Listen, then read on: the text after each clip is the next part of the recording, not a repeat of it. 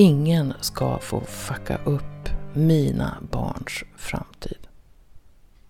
Jag säger de där orden igen.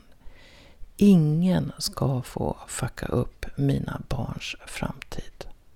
Per Holmgren, dagens gäst i 100% podden, säger det med eftertryck. Han har varit intresserad av klimatet i hela sitt vuxna liv.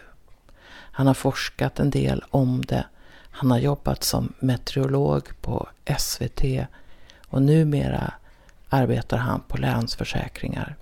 Han lever som han lär. Han är numera vegan och köper nästan inga saker.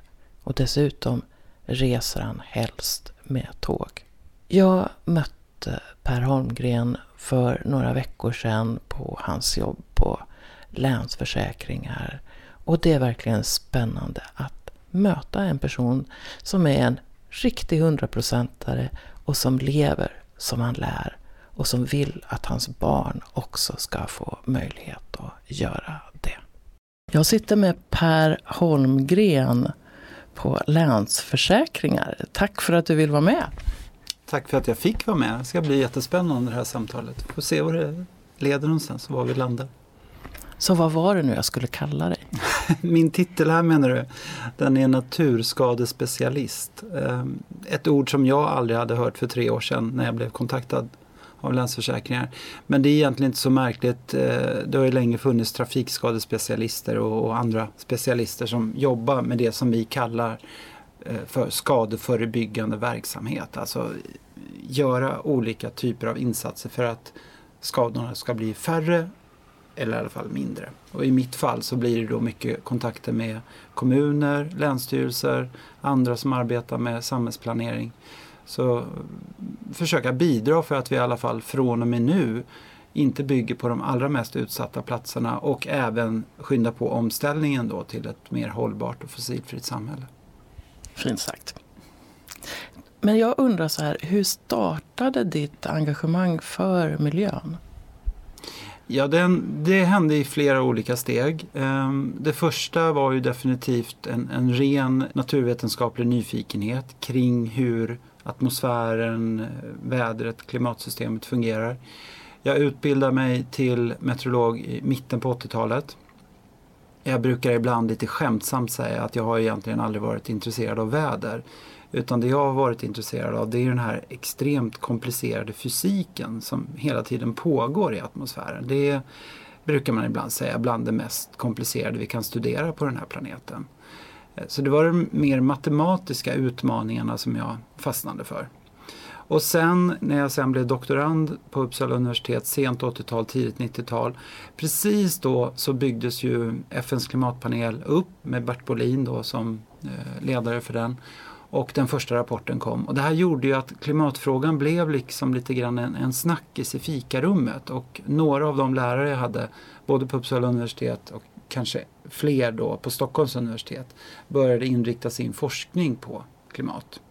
Och det här gjorde att jag som ung doktorand då liksom sög i mig en massa kunskap kring hur det här, som sagt väldigt komplicerade egentligen fungerade.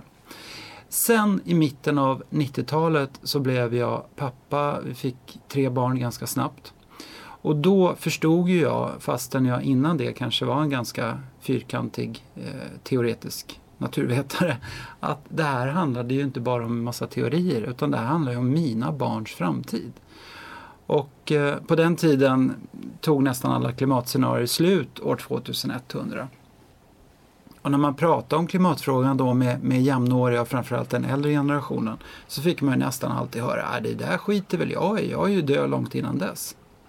Men när jag väl fick mina egna barn så fattade jag ju att de här 90-talisterna de kommer ju i teorin i alla fall, rent statistiskt kommer ju en eller två av dem leva år 2100. Det här handlar om mina egna barns framtid. Och då fick jag ju ett mycket, mycket starkare personligt engagemang. Och någon gång där i mitten, slutet på 90-talet så började jag då vara ute och föreläsa ganska mycket. SMHI fick ett väldigt spännande uppdrag. Jag har ju för övrigt aldrig varit anställd på SMHI. Jag har varit anställd i försvaret, eh, Uppsala universitet och, och sen SVT då i Jag var där i 20 år sammanlagt. Men SMHI fick ett spännande uppdrag om att titta mer då på hur den här globala uppvärmningen och klimatförändringen skulle komma att påverka Sverige. Innan det så var det verkligen just globala modeller och man försökte storleksordningsmässigt i alla fall se kanske skillnader mellan till exempel Arktis och Afrika och sådär. Men man hade inte gjort mer detaljerat i Sverige. SMHI skulle göra det här och med det uppdraget då så var det också att man skulle vara ute och informera myndigheter, kommuner, eh, ja, den typen av, av sammanhang. Och man fick så pass mycket förfrågningar så att när jag då erbjöd mig eftersom jag var ganska van att föreläsa om populärvetenskapligt om väder och var dessutom så intresserad i klimatet då. Så när jag erbjöd mig att göra det här, detta i princip i alla fall nästan helt gratis mot att jag fick en massa förstahandsinformation från, från SMHIs duktiga forskare så tyckte ju både jag och de att det här var en jättebra lösning. Då i mitten på 90-talet, hur blev du bemött då när du pratade konkret om klimatförändringar? Ja, varenda föreläsning fick jag ju börja med att säga ja nu kommer ni tro att jag ska prata om väder. För det är ju det ni är vana att höra mig göra. Men jag ska prata om klimat och det är en viss skillnad. Och så fick man förklara den skillnaden då. Man kan ju säga att klimat är väderstatistik under 30 år. Och, och, och, så har vi ju ganska stora naturliga variationer i vädret. Så under 30 år om vi inte har en klimatförändring så får vi lite olika väder. Vi kan ha en kall vinter, vi kan ha en mild vinter och, och så vidare. Och sen fick jag ju också verkligen från grunden då förklara vad växthuseffekten var och hur vi kan påverka växthuseffekten och, och varför det då på sikt under nästa århundrade skulle kunna leda till ett förändrat klimat. För det här var ju på förra århundradet. Det fanns väl ett, eh, en nyfikenhet hos vissa grupper, till exempel lantbrukare som kanske redan då på 90-talet började känna på sig att det var någonting som inte riktigt var som det brukade vara. Eh, givetvis skogsfolk som är, är vana att tänka i, i långa tidsperspektiv. Men i övrigt, det var nog egentligen bara de här riktigt stora branscherna då som givetvis energibranschen var ju tidigt på. Och sen var även försäkringsbranschen väldigt tidigt på. Främst då de här stora globala återförsäkringsbolagen. För de är ju så professionella på att titta på risker. Så man förstod ju jättetidigt att man behövde inte vänta på att 100% av alla forskare i världen skulle vara helt överens utan det gick redan då i början eh, och mitten av 90-talet att titta på hela klimatfrågan som just en risk. Och utifrån det förstå att det kanske är bra att vi drar ner på riskerna och därför bör vi göra det och det. Sen var det såklart nästan alltid på föreläsningarna då på 90-talet eh, ofta ett gäng något äldre, oftast manliga naturvetare som satt och, och ställde eh, ganska skeptiska ifrågasättande frågor. Ofta väldigt bra frågor som, som ledde till att jag var tvungen att tänka några steg till. Och ibland tog jag med mig frågorna till forskarna på SMHI och diskuterade med dem. Så den ganska stora grupp av, om, om man får kalla dem för klimatskeptiker, eh, som fanns då förde ju forskningen framåt och, och kom med väldigt bra invändningar. Har ni tänkt på det och det? Tack liksom. Ja, det var jättebra och det är ju så forskning ska gå till. Det ska ju finnas duktiga pålästa människor som ifrågasätter teorier. Men eh, den där gruppen av människor som då var ganska många, de gick ju för ett väldigt, för det mesta i alla fall, vettigt samtal med och, och bolla saker fram och tillbaka och, och komma framåt. Idag är det ju väldigt, väldigt få klimatskeptiker som finns kvar. Eh, och de kan man väl, i alla fall li, lite förenklat kan man väl säga att de är, ja, lite faktaresistenta skulle vi kunna säga. De, de, är inte så lätta att diskutera med för de, de, är övertygade om att de har rätt och alla andra har fel. Lite grann som rättshaverister? Ja, ibland brukar jag säga rättshaverister också. Eh, och det där ser man ju, det, det, jag menar, det är ju likadant. En mängd olika stora frågor i, i, i samhällsdebatten så är det ju ofta en viss typ av människor som motsätter sig allting. Liksom. Det, det kan vara feminismen, det kan vara eh, flyktingproblematiken, det kan vara och så vidare och så vidare. Massa saker då. Eh, som en viss grupp människor helt enkelt bara eh, motsätter sig. Och det är kanske inte de man ska lägga sitt krut på? Nej, det är ju inte det och det är ju många som har analyserat det här och, och de som är viktiga att lägga krutet på det är ju de som är öppna för kunskap, de som faktiskt vill lära sig mer.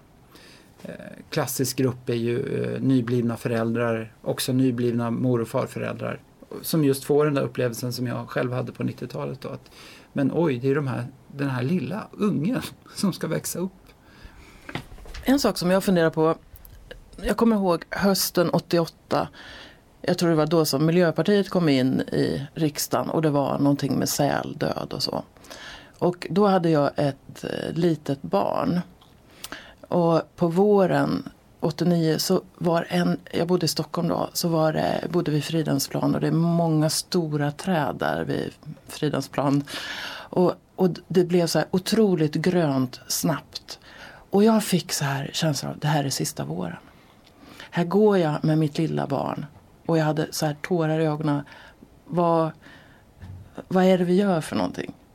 Och min reaktion då, jag hade två små barn, det var så här att jag pallar inte att läsa på just nu om det här för att det är för mycket. Och då började jag fundera på den reaktionen som jag fick. Vad, vad är din respons på den?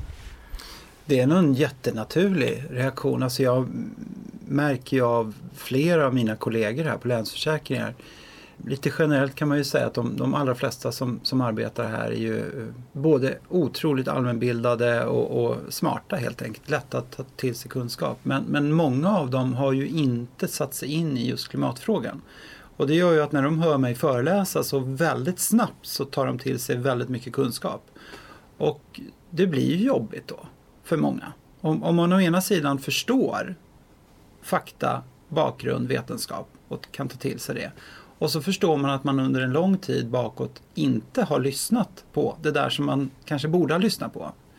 För det är ju inga nyheter. Alltså, som sagt, eh, FNs klimatpanel bildades ju redan runt 1990. Och, och, så att i snart 30 år nu så har forskarvärlden varit väldigt eniga i stort om, om vad det handlar om.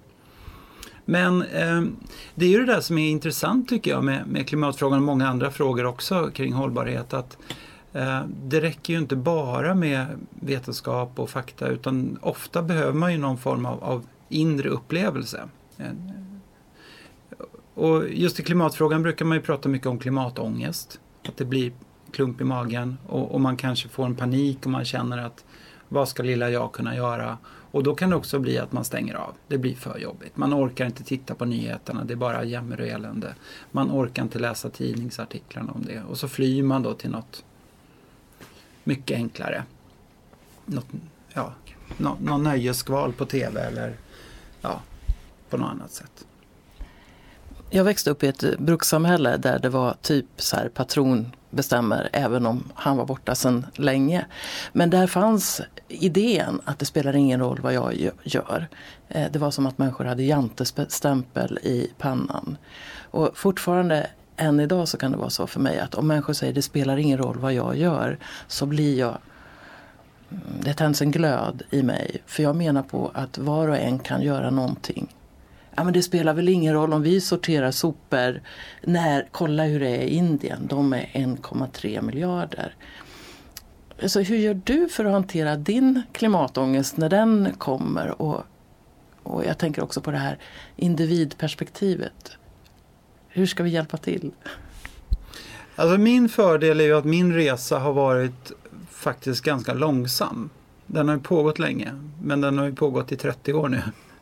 Så att det är ju egentligen aldrig, några få tillfällen finns, men det är nästan aldrig att, att jag helt plötsligt har liksom, shit, är det så här illa?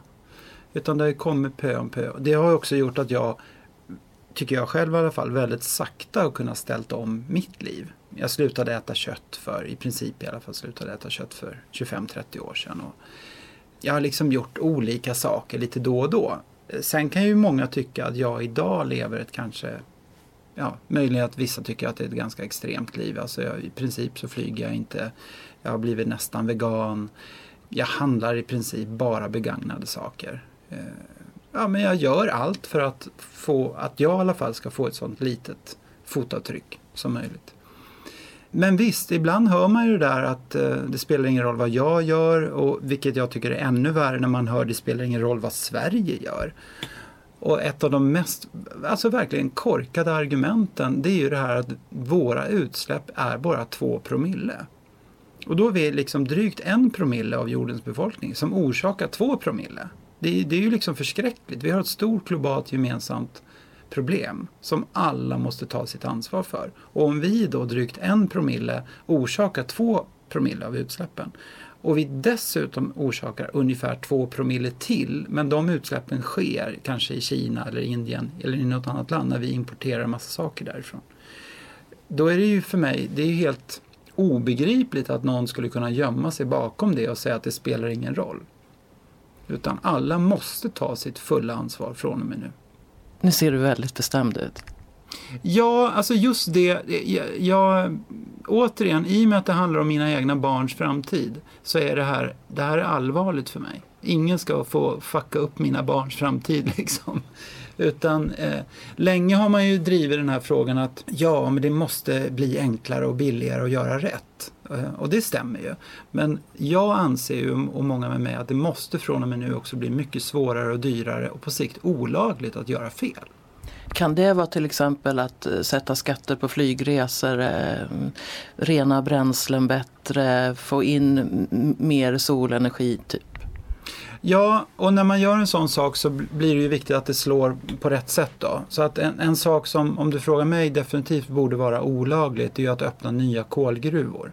Det är viktigt att det inte blir olagligt vad den enskilda människan gör, i alla fall inte ja, vissa saker ska såklart vara olagliga men, men det, det är ju mer de här stora systemperspektiven. Det borde vara olagligt att öppna en ny kolgruva för vi har inte råd med det längre. Vi kommer behöva kanske släppa ut en del koldioxid till exempelvis när vi producerar mat. Eller när vi trots allt behöver en del flyg även under de kommande årtiondena. Även om flyget verkligen måste minska ganska snabbt så kan vi inte vara helt utan flyg i ett globalt samhälle. Men på tal om flyget då så borde det ju definitivt vara mycket, mycket, mycket dyrare. Och den här lilla fåniga flygskatten som politikerna inte kan komma överens om är, är ju liksom långt ifrån vad som egentligen skulle behövas. Jag brukar göra en jämförelse med att det minsta vi skulle kunna tänka oss, eller som borde vara rimligt, är ju att ha samma typ av beskattning på flygbränsle som vi har på bensin och diesel. Och om man bara lägger på den skatten, då blir ju en inrikes flygresa i genomsnitt 500 kronor dyrare. Så det är där någonstans som inrikesflygskatten borde hamna.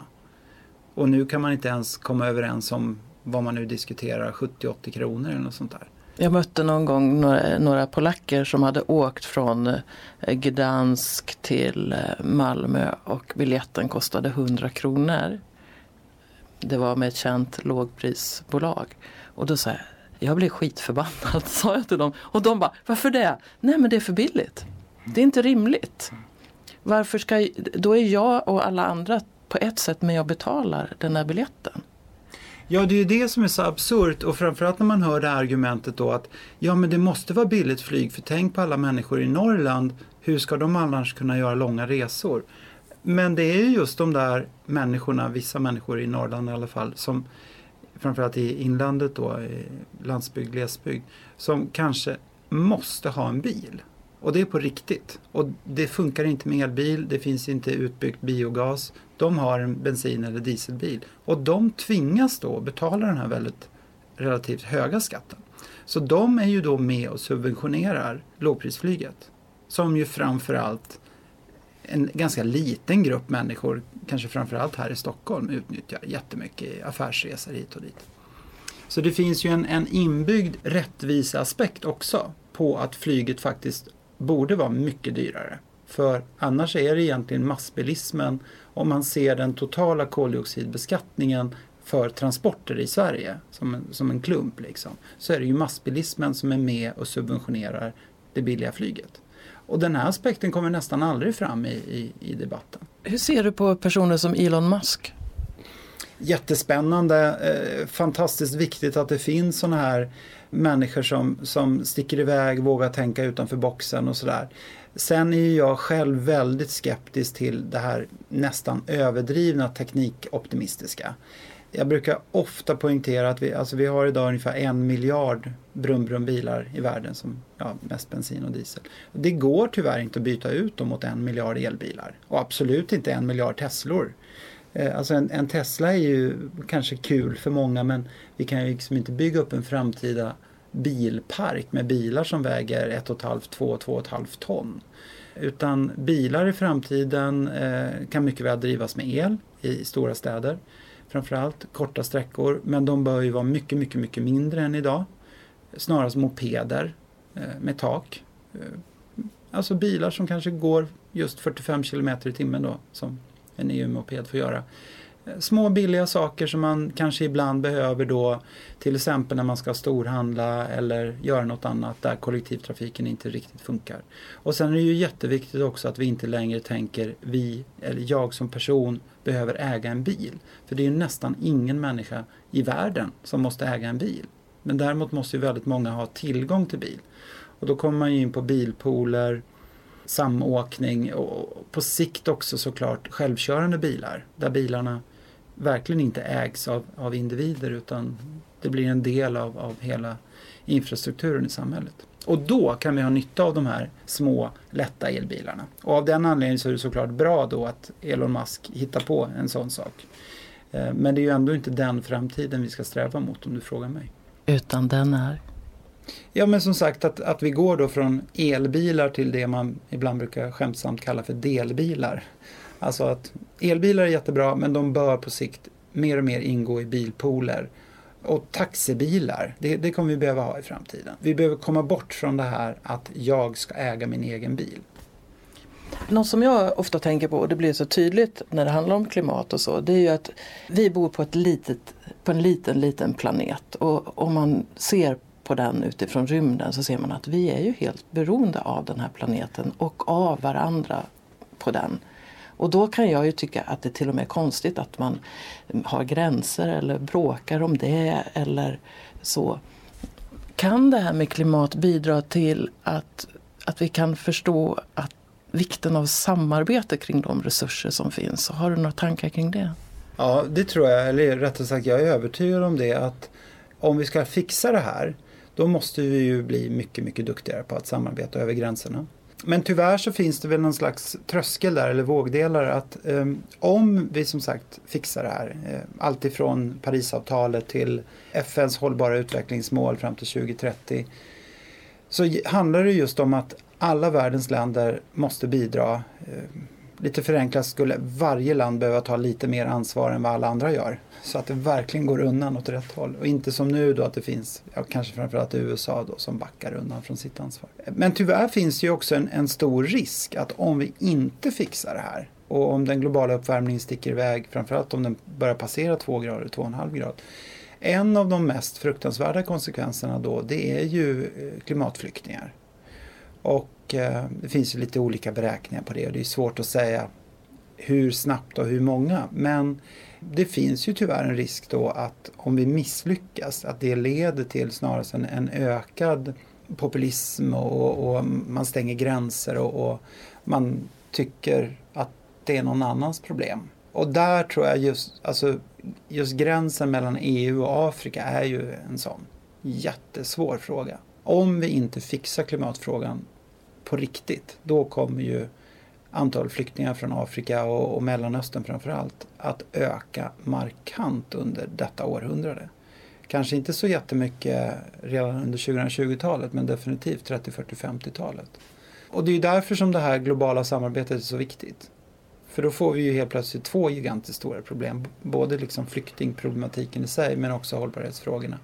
Och flyktingproblematiken är ju i sig ett typexempel på icke-social hållbarhet.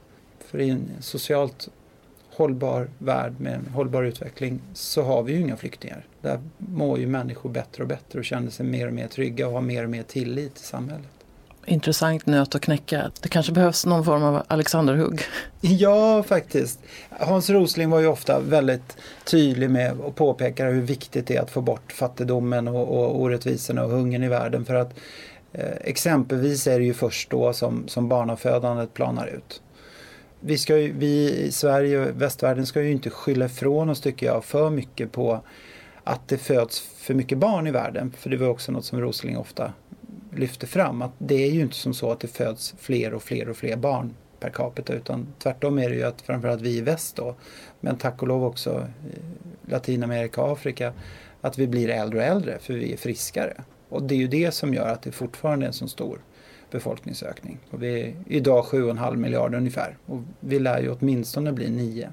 Troligen 9,5 kanske 10 miljarder. Om vi får ner det på, på individplanet, för det är ju där de som lyssnar kan vara med också och påverka. Jag var miljömedveten som ganska ung och började köpa så biodynamiska grönsaker. Och, ja, och så. En pappa som var med och startade Miljöpartiet och den där mm. stilen. Så jag försökte göra lite saker. Då var det ofta produkter så här som var ganska tråkiga. Så att det var så där som att ja, det var inte kul. Det var lite asketiskt. Det var som att man skulle... In, man offrade, man offrade någonting. någonting. Ja. Och då tänker jag så här nu när du har gjort många sådana här val eh, i livet då ska jag vilja hitta sätt, och jag tror du har hittat sätt, där man ser det här mer som att här, mitt liv blir bättre genom att vidta de här åtgärderna. Ja, men jag behöver inte den här blodiga entrecôten eller vad det nu kan vara. Den, att ändra mindset så. Hur gjorde du för att inte bara känna att jag bara avstår från saker istället för att säga åh, jag vinner hälsa eller vad det nu kan vara för något. Alltså när jag pratar om de här sakerna så brukar jag ofta poängtera att det är viktigt att inte göra för mycket på en gång. För då kan det ju bli just att man känner att man offrar någonting. Och sen gäller det ju väldigt mycket också att eh, när man tar de här första små stegen då att, att ja, men känna att man, att man är på väg åt rätt håll. Det kan vara att man eh, till exempel när det gäller maten, och du, du har ju helt rätt i det, om, om man backar 20-30 år så var ju de här, den mat vi borde äta var ju ganska tråkig, den var ibland också ganska svår att få tag på. Eh, jag var medförfattare till en bok som heter Mat och klimat för drygt 10 år sedan. Med eh, Johanna Björklund och Susanne Johansson som då var på SLU Ultuna.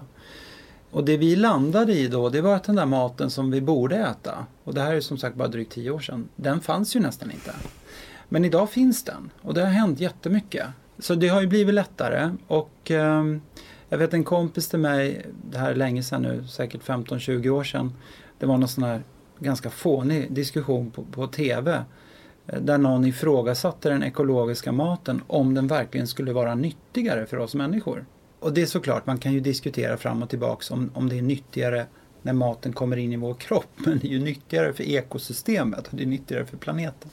Men han hade ett sånt otroligt bra argument för han sa det är såklart att det är nyttigare för jag blir ju glad när jag köper den ekologiska mjölken. Och det är ju nyttigt att vara glad. Jag blir ledsen om den ekologiska mjölken är slut. Alltså är det nyttigt. Och den typen av aspekt tror jag vi, vi glömmer bort ibland. Eh, och det är väl det här att den, den man säger den, den, traditionella vetenskapen då, att vi ska kunna mäta och, och bevisa saker i, i, en del sådana här mer livsstilsfrågor ibland nästan går lite för långt. Sen är det ju jätteviktigt att vi kan mäta och definiera och, och bevisa saker såklart. Men, men i vissa sammanhang så tror jag man, man måste lyfta blicken och, och både använda hjärnan och hjärtat helt enkelt och känna lite grann hur, hur det känns. Och blir man glad av någonting så är ju det bra. Ett av mina barn, hon är 30. Och nå någonting som hon reflekterade över det är att hennes kompisar bor i Vasastan, de har bra jobb. Eh, eh, de äter ekologiskt. Och så åker de till Thailand två gånger om året. Och, och så. Men de kan säga att jag äter ekologiskt. Och då var hennes eh, idé så här att egentligen så är det i, i Sverige människor som är fattiga som gör minst avtryck. Men då kan man säga, men kolla, de äter fläskkotletter och de äter eh, ja, giftmjöl. Och så, så klappar man sig på, på axeln och så ser man inte liksom sin helhet. Hur kan, man, hur kan man hjälpa någon att bli medveten om det? Ja, jätte... Eller ligger det något i det där? Ja men det gör det ju. Definitivt. Alltså, det är en jättetydlig koppling mellan inkomst och ekologiskt fotavtryck. Den är nästan linjär. Alltså ju, ju, mer pengar du har, desto mer du konsumerar, desto större avtryck, desto större plats tar du på planeten. I princip. Det måste ju inte vara så. Och jag tror och jag hoppas eh, att det just nu, inte minst med den här äntligen då debatten kring flyget just, att det kommer vara fler då av, av ja, vad vi nu ska kalla dem, övre medelklass. Eh, kanske framförallt folk i, i, i vår ålder som ja, barnen är vuxna och vi, vi, börjar få lite mer tid till oss själva. Som exempelvis då tar de här pengarna som man, många av oss i alla fall har och exempelvis lägger på en tågbiljett istället för en flyg. Inom Europa i alla fall. Jag åker själv tåg i, inom Europa liksom. Eh, det är dyrare, det tar längre tid. Men, men det, bökigare? Det är bökigare. Framförallt sen de la ner det här nattåget som allting byggde på mellan Köpenhamn och Köln. För då var man, kom man fram till Köln tidigt på morgonen och därifrån kunde man ju komma vart som helst. Men nu finns ju inte det nattåget så nu är det jättekrångligt och dyrt. Det, det, alltså, det är ett sidospår, men ett viktigt sidospår. För jag försökte åka mycket tåg i Europa, speciellt när jag bodde i södra Sverige så ville jag alltid välja det. Men det var krångligt att köpa biljetter, dåligt med samarbete mellan de olika tågbolagen. Det var trångt på spåren. Ja, och så. Finns det någon strategi för hur man ska kunna använda tåget bättre? Strategi vet jag inte men det finns, jag kan ge två tips. Det finns en väldigt aktiv Facebookgrupp, jag tror att den heter bara Tågsemester, som man kan gå in i och få en massa tips. Och jag hörde från en av mina kompisar som är lite aktiv där. Hon håller just nu på att planera en... Eh, ja men det är min gamla SVT-kollega Helen Tronstad. Hon ska bara om någon vecka nu så ska hon ta tåget till Skottland. Och sen senare i år så ska hon åka tåg till Vietnam tur och retur. Eh, wow! Ja, så det går. Men det hon berättade för mig då var att eh, att det finns en resebyrå, jag tror att den bara heter Kalmars resebyrå. Eller något sånt där, som har specialiserat sig just på att boka och hjälpa till med tåg. För det är jättekrångligt. SJ gör det ju inte bra. Tyska Deutsche Bahn gör hyfsat. det hyfsat. Uh, men det är krångligt och det är så mycket att ta hänsyn till. Så det, om det nu är den här Kalmars resebyrå eller vad det nu heter, det var något åt det hållet. Så kan de säkert, det är jättebra att de fick lite reklam. Eh, så kan de hjälpa till med det. Men tillbaks till din fråga där med, med köttätande och flyg och så vidare. Det jag brukar poängtera för folk det är att det första man behöver göra det är att på något sätt göra en ny nu-analys om sitt eget klimatavtryck. Och då finns till exempel klimatkontot som eh, IVL, Svenska Miljöinstitutet, byggde upp för säkert tio år sedan nu.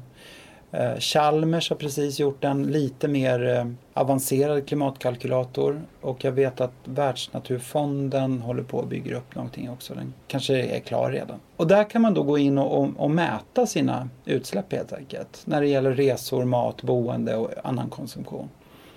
Och för genomsnittsmänniskan i Sverige, framförallt de som har lite bättre ekonomi då, så är det ju flyget som sticker iväg. Liksom. Det är det absolut största för många människor i Sverige. Och därmed också det lättaste. För man kan ju faktiskt vara utan alla flygresor. Åtminstone 19 av 20 flygresor kan man överleva utan. Det är kanske någon enstaka som man av något skäl måste göra. Men de flesta flygresorna kan man klara sig utan. Däremot maten klarar man sig ju inte utan. Mat måste vi ha. Eh, så de utsläpp vi har råd med är ju egentligen bara det som kommer från maten. Och där finns det mycket att tänka på. Eh, ett, ett tips om, om man hänger på Twitter så kan man följa min kompis Staffan Lindberg som heter koldioxidbantaren, alltså CO2-bantaren på Twitter. Han visar väldigt tydligt nu, jag tror att han ska göra under hela det här året, vad, vad han äter, varenda måltid. Och så mäter han och så berättar han hur han tänker. Och man landar ju då i att man i princip bör äta så gott som vegansk mat. Men man kan äta lite viltkött och kanske något fribetande djur någon gång då och då. Sådär. Eh, men själva grundmenyn behöver bli i princip helt vegansk. Så om vi tänker oss en person som lyssnar och som inte har tänkt så mycket på sitt klimatavtryck han eller hon eller hen kan ju gå till de här ställena. Men om du skulle ge så här ett första tips om vad man kan börja med som då får du inte säga sluta flyga för det har vi ju redan sagt. Mm. Men någonting annat i vardagen som den personen skulle kunna göra eh, för att minska sitt avtryck och som inte bara känns som åh. Nej, alltså man brukar ju landa i att det är tre områden, de tre viktigaste områdena. Det som Stefan Edman beskrev som bilen, biffen och bostaden i en rapport för ja, det är snart 20 år sedan nu. Och bilen är ju då alla resor, eh, biffen är ju all mat och bostaden är ju där vi bor men också i gemensamma byggnader. Och det jag brukar säga då är att försök hitta någonting, en grej i varje. Och försök börja då med det som känns lite roligast, lättast. Så man inte börjar med de svåraste sakerna.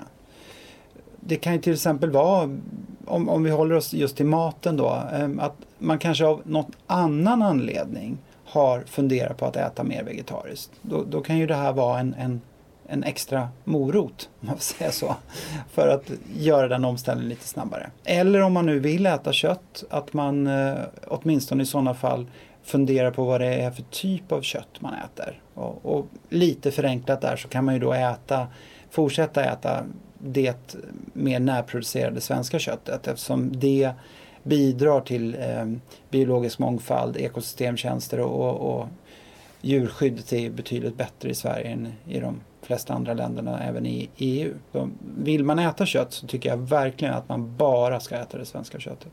Resorna samma sak. Försök göra något roligt av det hela. Jag brukar ta två roliga exempel från mitt eget liv. För bara några år sedan när jag och min son, han är 20 nu, jag tror att han var 17 eller 18, så promenerade vi från Uppsala till Öregrund. Och det är 10 mil. Och det tog oss fem dagar. Men det var en jätterolig semester. och eh, ett äventyr liksom. Eh, vi sov utomhus någon natt och vi tog in på något vandrarhem någon natt och sådär. Eh, och hade vi gjort den här vandringen i fjällen så hade ingen tyckt det var konstigt. Och var ute och gå 10 mil i fjällen en vecka liksom. Det är ju många som gör det. Men, men just att vi gjorde det hemma blev ju att det var väldigt annorlunda. Det är inte så många som har gjort den där promenaden. Tror jag. Och ett annat jätteroligt exempel det är ytterligare något år bakåt. Eh, min pappa han är 82 nu. Det var när han fyllde 75.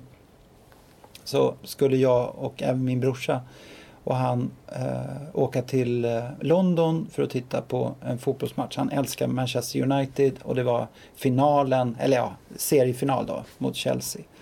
Och vi ordnade biljetter. Eh, sen kunde inte min brorsa följa med. Av, av, ja, han fick inte ledigt från jobbet helt enkelt. Och när det då bara var jag och min pappa så sa jag åt honom, kan vi inte åka tåg istället? För han älskar tåg liksom. Och då köpte vi då tågluffarbiljetter, för det är det enklaste och billigaste sättet. Och, och sen blev den här matchen inställd för det blev snökaos.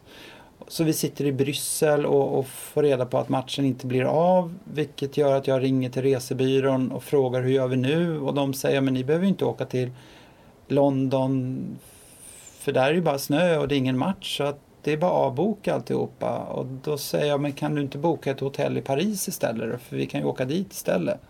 Och då blev det liksom verkligen en sån här improviserad tågluffarresa som man möjligen gör när man är i 20-årsåldern. Men kanske inte normalt när man är i 75-årsåldern. Och när vi väl kom hem till Sverige igen då efter 4, 5, 6 dagar eller vad det var. Då, då sa min pappa orden som jag aldrig kommer glömma. Jag tror jag blev 10 år yngre på den här resan. Och han är fortfarande tokpigg. det hände något med honom. Just att man, man bryter liksom mönster och man hamnar utanför boxen. Och man, kanske framförallt när man börjar bli lite äldre, inser och känner att man kan faktiskt fortfarande göra saker. Allting behöver inte vara inrutat. Liksom. Och det är ett typexempel på två semestrar som jag aldrig kommer glömma bort. Jätteroliga resor. Och det är också ett bevis på att det är inte själva flygresandet i sig som är poängen. Och flygresande tror jag i Sverige har väldigt mycket med den stress vi har. Alltså väldigt många människor, inte minst i, här i storstäderna, de stressar och stressar och så har de ett litet andningshål och då har de fått för sig att eftersom deras kompisar gör så, då måste de åka någonstans långt bort för att vila ut.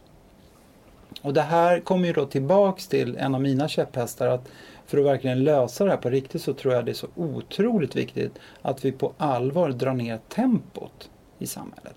Människor kanske inte ska sträva efter att jobba heltid utan snarare dra ner på tempot, få mer tid över till sig själva, umgås med vänner, umgås med familjen, läsa böcker eller vad man nu tycker är bra. Ta hand om sig själva, meditera eller ut och springa eller vad det nu handlar om. Och får vi ner stressen då kommer vi ju dels tror jag få ett mindre behov av att åka jättelångt bort för att hämta upp oss. Och dessutom får vi då mer tid också över för att eventuellt göra tågresan istället för flygresan om vi nu ska till Alperna och åka skidor eller eh, Medelhavet för att få lite mer sol och värme eller vad det nu handlar om. Så Per, vi ska stressa lite mindre, kanske leva mer i nuet. Så kan det vara en väg till att bidra till ett mindre klimatavtryck. Tack. Tack så jättemycket. Biffen, bilen och bostaden. Vilka förändringar skulle du enkelt kunna göra för att leva mer klimatsmart? Göra ett mindre klimatavtryck.